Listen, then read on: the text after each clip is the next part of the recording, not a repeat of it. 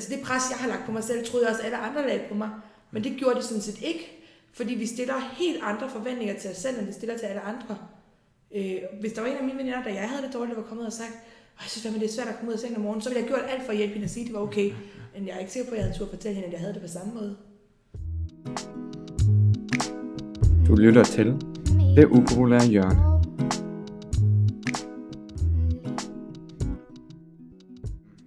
Hvis man lige har tunet ind øh, på det her afsnit, og, øh, og ikke har hørt de tre andre, så det vi laver her, det er, at vi laver podcasten, der hedder Det Upopulære Hjørne.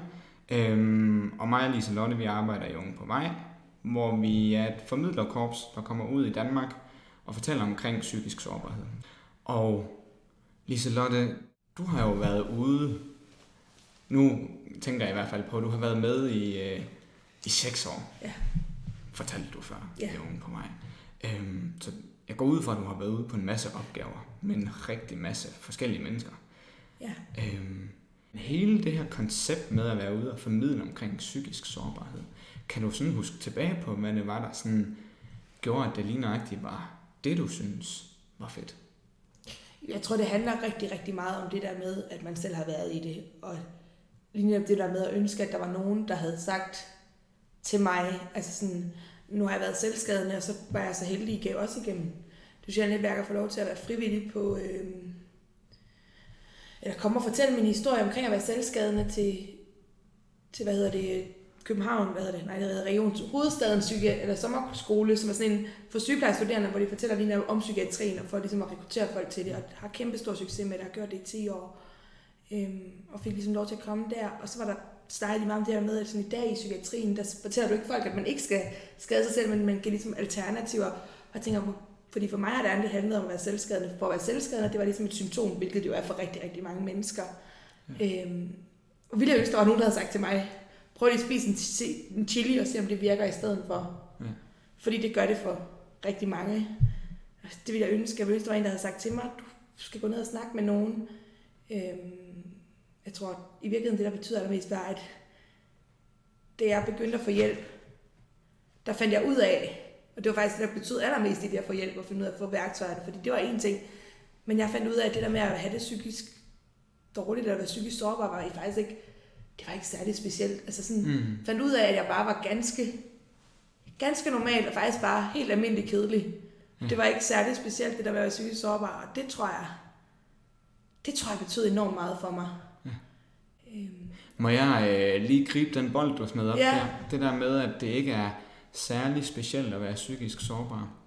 Kan du prøve at uddybe det lidt? Fordi jeg synes faktisk, øhm, på de her øh, mind you opgaver, vi for eksempel er ude på, med de her syvende klasser øh, i konfirmandundervisningen, der synes jeg tit, man møder den der forståelse af, at hov, vi snakker ikke med hinanden omkring det, der gør ondt, og vi snakker ikke med hinanden omkring det, der er sårbart.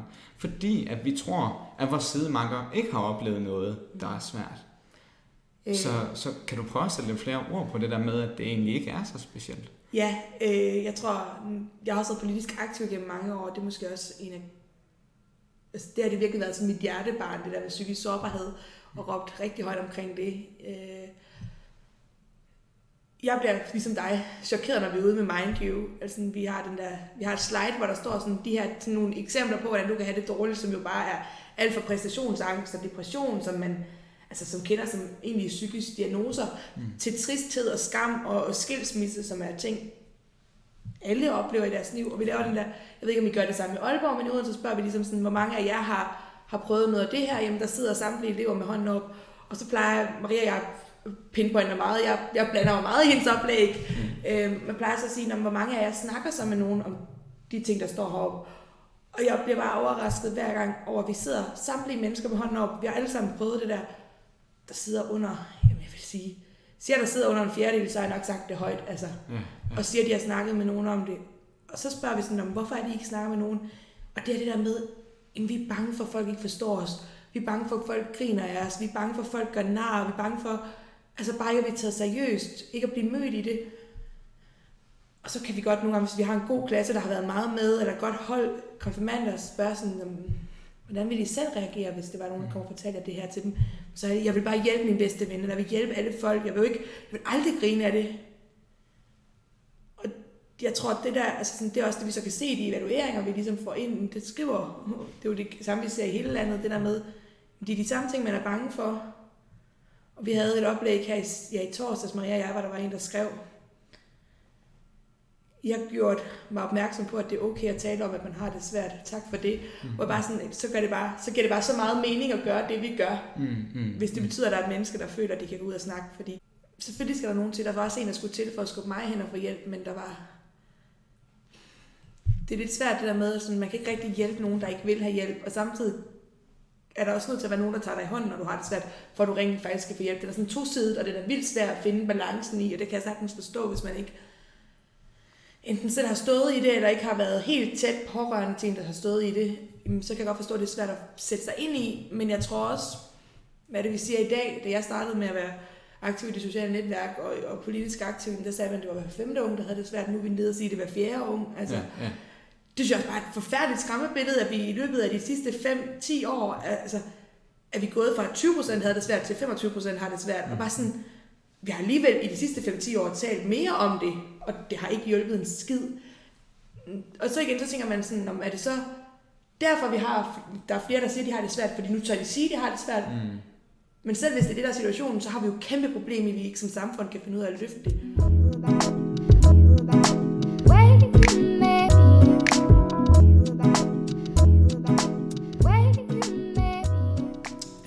Synes jo egentlig også, det er en spændende samfundsdebat. Ja. Øhm, hele den her med, at øh, jamen, er det spørgsmål om, at der er kommet mere psykisk sårbarhed, altså flere unge, der simpelthen går og har det dårligt, eller er vi blevet bedre til at tale om det, og de her mørketal, der så lige mm. pludselig kommer frem, ikke? de ændrer statistikkerne. Øhm, når du sådan er ude på de her opgaver, hvad er så dit indtryk af, af de her unge mennesker, vi arbejder med? Er, er dit indtryk, at, øh, at de har det Øh, og det er måske egentlig også, det, det er måske ikke rigtigt at sige, om de har det værre, end dengang du stod mm. øh, og, og var på deres alder. Men om der er flere, der har det, som jeg havde det på ja. deres alder, tænker jeg, det du spørger om.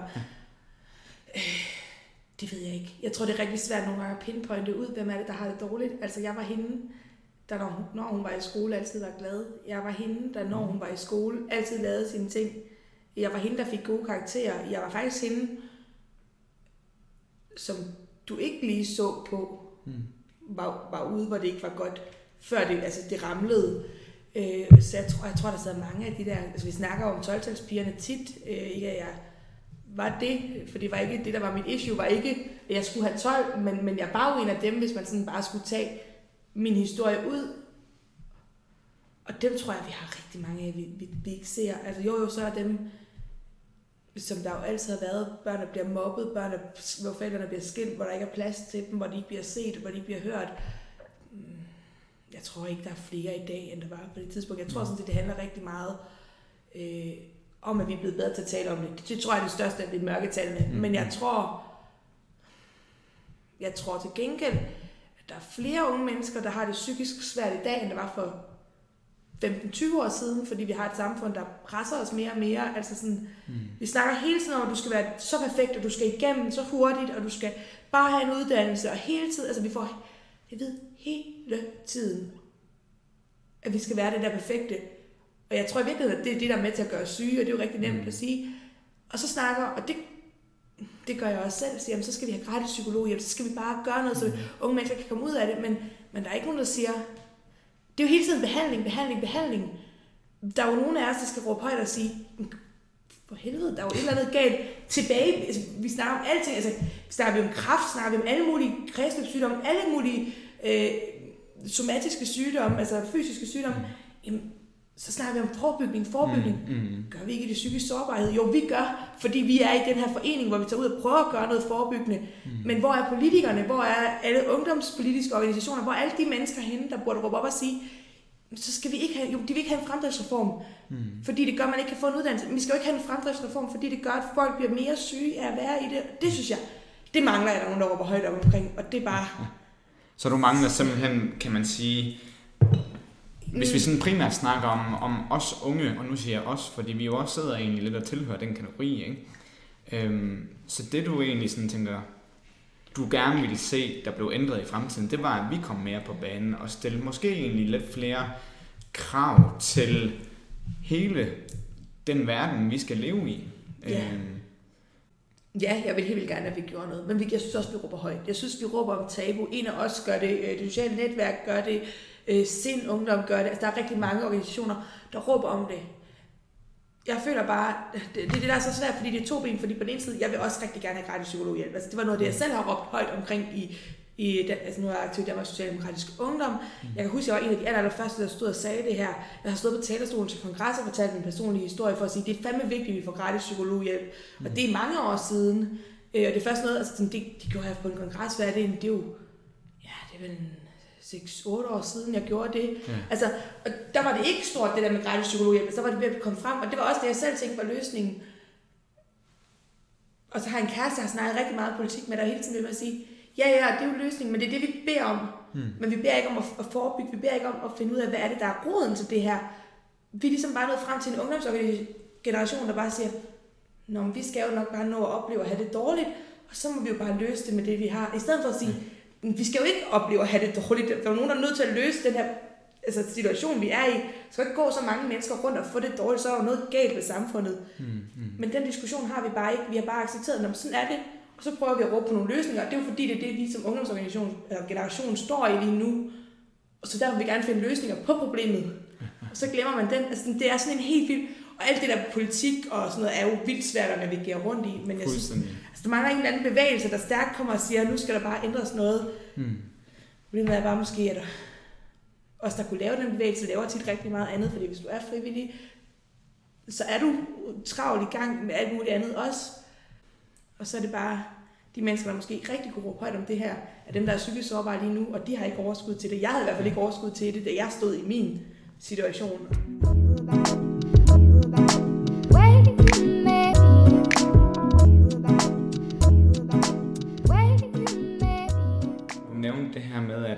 Du var egentlig ikke en af dem, man kunne se på, at du havde det dårligt. Fordi du var lidt, hvis vi skal bruge den term igen, ikke? Altså, øhm, det her 12-talspige-begreb. Mm. Øhm, og, og du nævnte også det her med, at selvskade var et symptom. Øhm, hvorfor var det, at man ikke kunne se på dig dengang, at du havde det dårligt? Fordi det er jo egentlig også en af de ting, der nok kan være med til at gøre, at vi kan komme med hele den her udvikling i kontra, ikke? Hvis vi faktisk kan se på vores unge mennesker, hov, nu begynder du måske, Liselotte, og, og, eller jeg lægger i hvert fald mærke til øh, i 7. klasse, at du begynder at være lidt fraværende. Du er måske lidt mere ked af det, end du plejer, hvor jeg kan gå ind og lave den forebyggende indsats. Men hvordan, hvordan skal vi gribe hele det an med de unge mennesker? Hvordan, hvordan, kunne, man, hvordan kunne man hjælpe dig dengang i 7. klasse, for ja. Jeg tror for det første handler det om, vi talsætter. Jeg tror bare, at de folkeskoleklasser, vi er ude ved, altså de unge mennesker, der møder et mindview-oplæg, eller sådan set et, det kan være et hvilket som helst oplæg om det at være psykisk sårbar, tror jeg har større og bedre forudsætninger for at få hjælp eller hjælpe deres venner. Øh, Så jeg vil ønske alle øh, unge mennesker, inden de er færdige med folkeskolen, hører et personligt oplæg. Jeg tænker, det var sådan en, måske sådan en nem ting at kunne, kunne gøre noget ved, sådan ned på lidt mindre plan. Så det er sådan lidt græsrodsbevægelse. Øh, ja. at- Men, men jeg tror i virkeligheden, hvad, altså, hvad kunne man se? Det er jo så svært, fordi jeg ville jo ikke have, at der var nogen, der skulle se det, så jeg spillede skuespil. Mm. Altså jeg, øh, jeg husker, jeg var politisk aktiv, og kom ikke i skole, men så kunne jeg godt være politisk aktiv om, om aftenen og tage til alle mulige møder. Jeg kunne godt have nogle gange 3-4 møder på en uge. Jeg kunne også godt have møder to tidspunkter på samme dag. Og jeg tog fra møde til møde, og måske sad i en bus på vejen, og jeg lavede ikke andet end at græde. Jeg græd, kunne græde i halvanden time i en bus. Mm. Og det gjorde jeg, når jeg var. Når jeg så var fremme, så var jeg hende, der var der og var på og var glad og lige kunne ordne kaffe og lige havde kage. Altså, så skulle jeg være det der billede, jeg havde malet op, og ingen måtte vide, at der var noget galt. Mm. Og i virkeligheden er det jo et kæmpe symptom. Det er jo det der med, det menneske, der bare altid er glade, er jo heller ikke, det er jo ikke ægte. Der er jo ikke nogen mennesker, der altid er glade. Det tror jeg var det største symptom, der var på mig. Så tror jeg, jamen jeg gik i, faktisk i gymnasieklassen nogle af de personer, der også var aktive i, i DSU, og de, altså jeg har stukket dem så mange løgne omkring, hvorfor jeg ikke var i skole. Jeg tænker, når man begynder, at folk måske ikke har været der i tre uger, så skulle man måske, jeg undrer mig lidt over, at de ikke stussede over, at jeg ikke var der mere. Mm. Øh, men de har jo bare troet på, når hun sagde, at hun skulle de her ting, altså det er nok rigtigt, eller hun sagde, at hun havde den her aftale med fraværsrektoren, øh, rektoren, så det er nok rigtigt, men det var jo hele tiden et behov for at skulle beskytte mig selv, fordi folk ikke måtte vide, at jeg ikke kunne komme i skole. Altså, det, der, det der med at føle sig så forkert, det vil man bare holde, gerne holde hemmeligt. Det synes jeg jo egentlig, at det er lidt kernen af det hele her. Man kan godt være glad, men man kan ikke være ked af det. Så når man ligesom mærker, at jeg er ked af det, og jeg har brug for at beskytte mig selv, jeg har brug for at faktisk være sårbar, fordi jeg er presset, så er det, at man vender sig væk fra de andre, kontra når man er glad, så er man der bare med de andre. Hvad, hvad tænker du, hvis jeg siger sådan, at vi faktisk skal øve os i at være ked af det med hinanden? Det tror jeg, man skal sig rigtig meget i. Altså, det er jeg i dag med mine veninder. Hvis, hvis jeg har en lortedag, så fortæller jeg mine veninder, at jeg har en lortedag, eller min kæreste, at jeg har en lortedag. Øh, og det gør det faktisk lidt nemmere, når man så har sagt, hold nu op, det var godt nok næsten ulideligt at stå ud af sengen i dag. Altså, det tror jeg Mm. faktisk ikke, jeg kom ud af sengen, eller nogle dage, jeg kom sgu ikke ud af sengen. Så er der en, der siger, "Nå, men så i morgen, så cykler vi sammen, så er du der klokken ja, ja. det. Øh, så jo, helt sikkert er der jo noget socialt pres, men jeg tror rigtig meget, at det sociale pres er noget, vi indirekte ligger på os selv. Altså det er der jo, fordi, men jeg tror, det er der, fordi vi alle sammen ligger det på os selv, så derfor tror vi også, altså det pres, jeg har lagt på mig selv, troede jeg også alle andre lagde på mig, men det gjorde de sådan set ikke, fordi vi stiller helt andre forventninger til os selv, end vi stiller til alle andre. Øh, hvis der var en af mine veninder, der jeg havde det dårligt, der var kommet og sagt, og jeg synes fandme, det er svært at komme ud af sengen om morgenen, så ville jeg have gjort alt for at hjælpe hende at sige, at det var okay. Men jeg er ikke sikker på, at jeg havde tur at fortælle hende, at jeg havde det på samme måde. Øhm, og det tror jeg er det største problem er egentlig det pres, som vi på grund af alle de sociale slagsider ligger på os selv. Og det skal vi lære, at det ikke er så farligt. Og det lærer vi jo kun, hvis det er sådan, at vi snakker om, at vi alle sammen har øvedage. Altså, jeg ved ikke, jeg har aldrig lagt et billede af mine slackbukser og mine chipsposer op på, på, på, nu har jeg ikke Instagram, så det var Facebook eller Twitter, eller hvad man nu bruger. Øh, men det gør folk jo ikke. Altså sådan, jeg har scrollet igennem min Instagram-profil. Det er jo de pæne billeder, det er når du lige har været ude at træne, det er når du står nede ved de flotte kirsebærtræer nede, i, øh, nede på kirkegård. Altså det er alle de der billeder, der ligger og fylder feedet. Og hvis du så er den person, der ikke har overskud til at komme ned på assistenskirkegården Mhm. og få taget et billede med de der kirsebærtræer, så tænker du bare, jamen det havde jeg da andre overskud til, nu må jeg jo bare tage mig sammen. Mm. Men så var der fem andre, der heller ikke havde fået taget det billede. Og de, der er ikke nogen, der siger det. Altså, jeg tror, det er jeg tror virkelig, det der pres er noget, er der, fordi vi ikke taler med hinanden om, at vi alle sammen oplever det. Ja, ja, Så er det en social slagside? Jo, det er det jo, men det er det jo kun, fordi vi gør det til det, eller vi ikke tør ja, sige noget, og det kan vi så forhåbentlig gøre en forskel med, hvis vi sidder her nu og siger, jeg har de dage, hvor jeg ikke står ud af sengen, og det er okay. Ja. Så tror jeg sådan, at vi også bare skal lære, at man behøver ikke at være det næste, det ved jeg ikke, kendis eller fem, have 15 minutter i rampelyset, at det faktisk er okay. Altså, vi er rigtig mange mennesker, der lever helt normalt gode liv, uden at blive kendte, men det er det, vi det er lidt det, man, altså da jeg var, da jeg var ung, der stillede man jo efter at skulle være skuespiller eller sangerinde i dag, stifter, stiller du efter at skal være blogger, instagrammer, vlogger, hvad hedder de, altså nogle af de her store ikoner. Det kan vi ikke alle sammen være. Der skal også være nogen, der er følgere, og det, det er jo 99,9 procent af os, og det er okay. Men vi skal lære os selv, at det er okay, fordi det er vi nok, det har vi nok som samfund glemt at sige, at det er faktisk, det er okay bare at leve et godt liv Ja, ja, i forstaden. Altså. ja, ja, fuldstændig. Synes jeg virkelig, det er en skarp pointe, Liselotte. Det der med, at det er fuldstændig okay, at man, jamen, at man ikke skal skille sig ud hele tiden. Mm. Fordi det er vel egentlig i bund og grund lidt det pres, du snakkede om i forbindelse Ja. med det der med, min sidemarker mærker det, jeg mærker det, og vi mærker det især, fordi vi ikke snakker om det. Ja, ja. Øhm, det er jo det med, at man prøver at skille sig ud hele tiden. Ja, jeg tror, Øhm. vi skal vi bliver syge af, at vi prøver at skille os ud hele tiden. Altså, vi har glemt at fortælle hinanden lige netop, at det er okay at være Ja. helt almindelig kedelig. me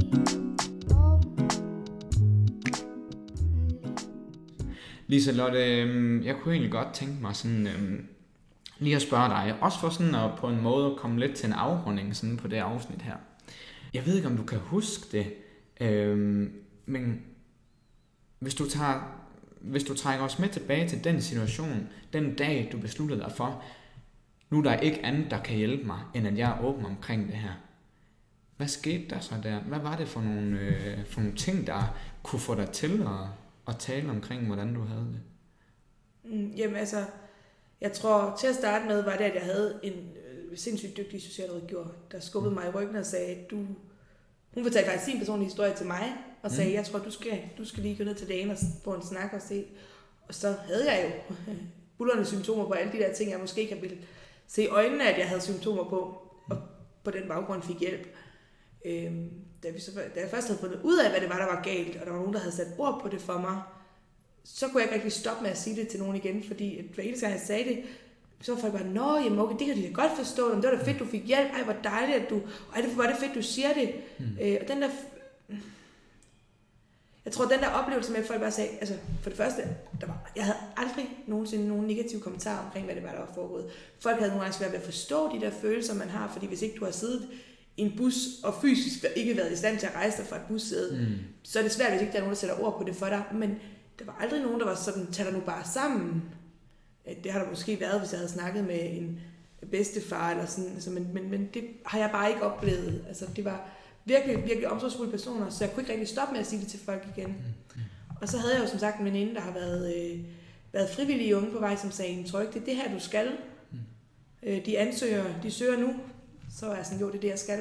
Ja. Og så har jeg bare ikke kunne stoppe med det igen, og jeg tror sådan set, at det er fordi, at hvis der bare sidder et menneske derude og hører min historie og tænker, hov, jeg har da oplevet det og det og det og det, og måske altså forhåbentlig ikke er der, hvor jeg var, men får hjælp før, fordi de hører min historie, så giver det mening for mig, at jeg siger det her, fordi der er ikke noget af det, jeg har oplevet, jeg vil ønske for min værste fjende. Mm. Altså sådan, det er, jeg tror faktisk, det er det værste, altså nu har jeg alligevel haft, altså jeg har også diabetes og sådan nogle ting, og det er vildt meget nemmere at sætte ord på, for det er bare sådan, om diabetes, sukkersyge, om okay, det, det har min tante og min moster også, så der kan folk også sige dumme ting, men, men, men det her med psykisk sårbarhed, det er bare, det er så svært, fordi det er noget, vi ikke taler om. Mm. Så hvis jeg kan tale om det og gøre, at folk får hjælp på, på den baggrund, så giver det mening. Ja. Det tror jeg virkelig er den største grund til også, da jeg startede, at jeg gør det. Ja. Og jeg synes jo egentlig, det er rigtig smukt, det der med, at jamen, måden, din ambition for det her arbejde startede på, det var jo egentlig også i takt med, at din socialrådgiver delte noget af sig selv. Og nu er du faktisk ude og gøre præcis det samme arbejde. Lise Lotte, hvis der sidder nogen her, der øh, lytter med og kender til det, at have angst, eller føler sig psykisk sårbare, går rundt og kæmper med nogle ting, eller ikke ved, hvor de skal gå hen. Har du så nogle budskaber til dem, øhm, ud fra, fra, fra noget, du tænker? Jeg tror, jeg har sagt det en gang, øh, mm. at man skal tale med nogen om det. Altså sådan, det virker tit, og det siger, jeg tror jeg også, jeg siger i alle mine oplæg, når jeg er ude. Altså sådan, det virker sådan lidt som øh, hende den voksne, der står og siger, ah, men du skal bare tale med nogen, så bliver det bedre. Jeg tror bare, det er vigtigt at sige, det var det, jeg selv oplevede. Altså, jeg lå i min seng i tre måneder og kunne ikke stå ud af den, kunne ikke overskue simple ting, som jeg må børste sine tænder og gå i bad. Altså, det kunne jeg først finde ud af at lære igen, mm. da jeg begyndte at tale om, at jeg kunne finde ud af det. Øh, jeg fik først hjælp, jeg fik det først bedre, da jeg talte om det, og det tror jeg, vi alle sammen kender. Jeg tror, vi alle sammen har haft sådan lidt en øvedag eller noget, der var svært, og så prøvede at sige det højt. Og det kan godt være, at det ikke var den store hemmelighed, men det hjælper også med den store hemmelighed at sige det højt, mm. fordi når der er to til at bære, så er det lidt nemmere at håndtere. Ja. Fedt, Lise Lotte. Jamen, øh, for sådan at afslutte på en ordentlig måde, så vil jeg jo øh, først og fremmest sige tusind tak til dig. Tusind tak, fordi du er herinde og, og dele øh, din historie og dine erfaringer i forhold til øh, den her, man kan jo sige, den mærkesag egentlig. Ikke? Øhm, og som vi jo også plejer på, øh, plejer, når vi er ude øh, på de her oplæg, så plejer vi jo også altid at reklamere for Headspace, som vi jo samarbejder med her i Unge på Vej. eller ligesom arbejder parallelt med som projekt. Ikke? Øhm, og Headspace er jo et ungerådgivningstilbud, øhm, og jeg ved ikke, øh, du kender også til det jo. Ja. Vil du øh, sætte nogle ganske få ord på, hvad, hvad Headspace kan bidrage med? Jeg tror, Headspace, det aller, aller vigtigste Headspace er, at det gør, at de kan hjælpe dig. Mm. Øhm, og det kan være, at du skal have snakket i Headspace med en frivillig derop, fordi det handler om, at du bare manglede en at snakke med. Men er det ikke Headspace, du skal være i, så er Headspace de aller, allerbedste, jeg kender til at blive bror til alle de andre, og hjælpe dig derhen til, at du kan få det bedre. Øh, det, igen, det handler om, at du siger det højt, og det tror jeg, det Headspace kan, det er, at det, det er et frivilligt andet ungt menneske, der sidder der, fordi de gerne vil hjælpe dig. Mm. Det gør det lidt nemmere at sige, måske også fordi det ikke er en, du kender. Så igen, jamen, har, du, har du det svært, uanset om det er fordi du har problemer med at skrive et CV, eller hvad det nu skulle være, eller fordi du går med selvmordstanker, jamen så er Headspace stedet at tage hen, fordi der er nogen, der kan tage dig i hånden Mm. og fikse det for, sammen med dig. Ikke for dig, men sammen med dig. Mm. Ja. Perfekt, Lise Lotte. Tusind tak skal du have, fordi du kom. Selv tak. Det var dejligt at snakke med dig.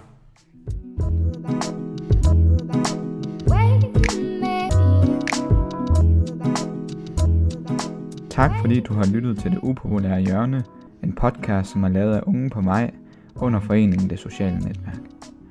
Hvis du har fået lyst til at følge med i vores arbejde, så kan du også finde os på vores Facebook-side.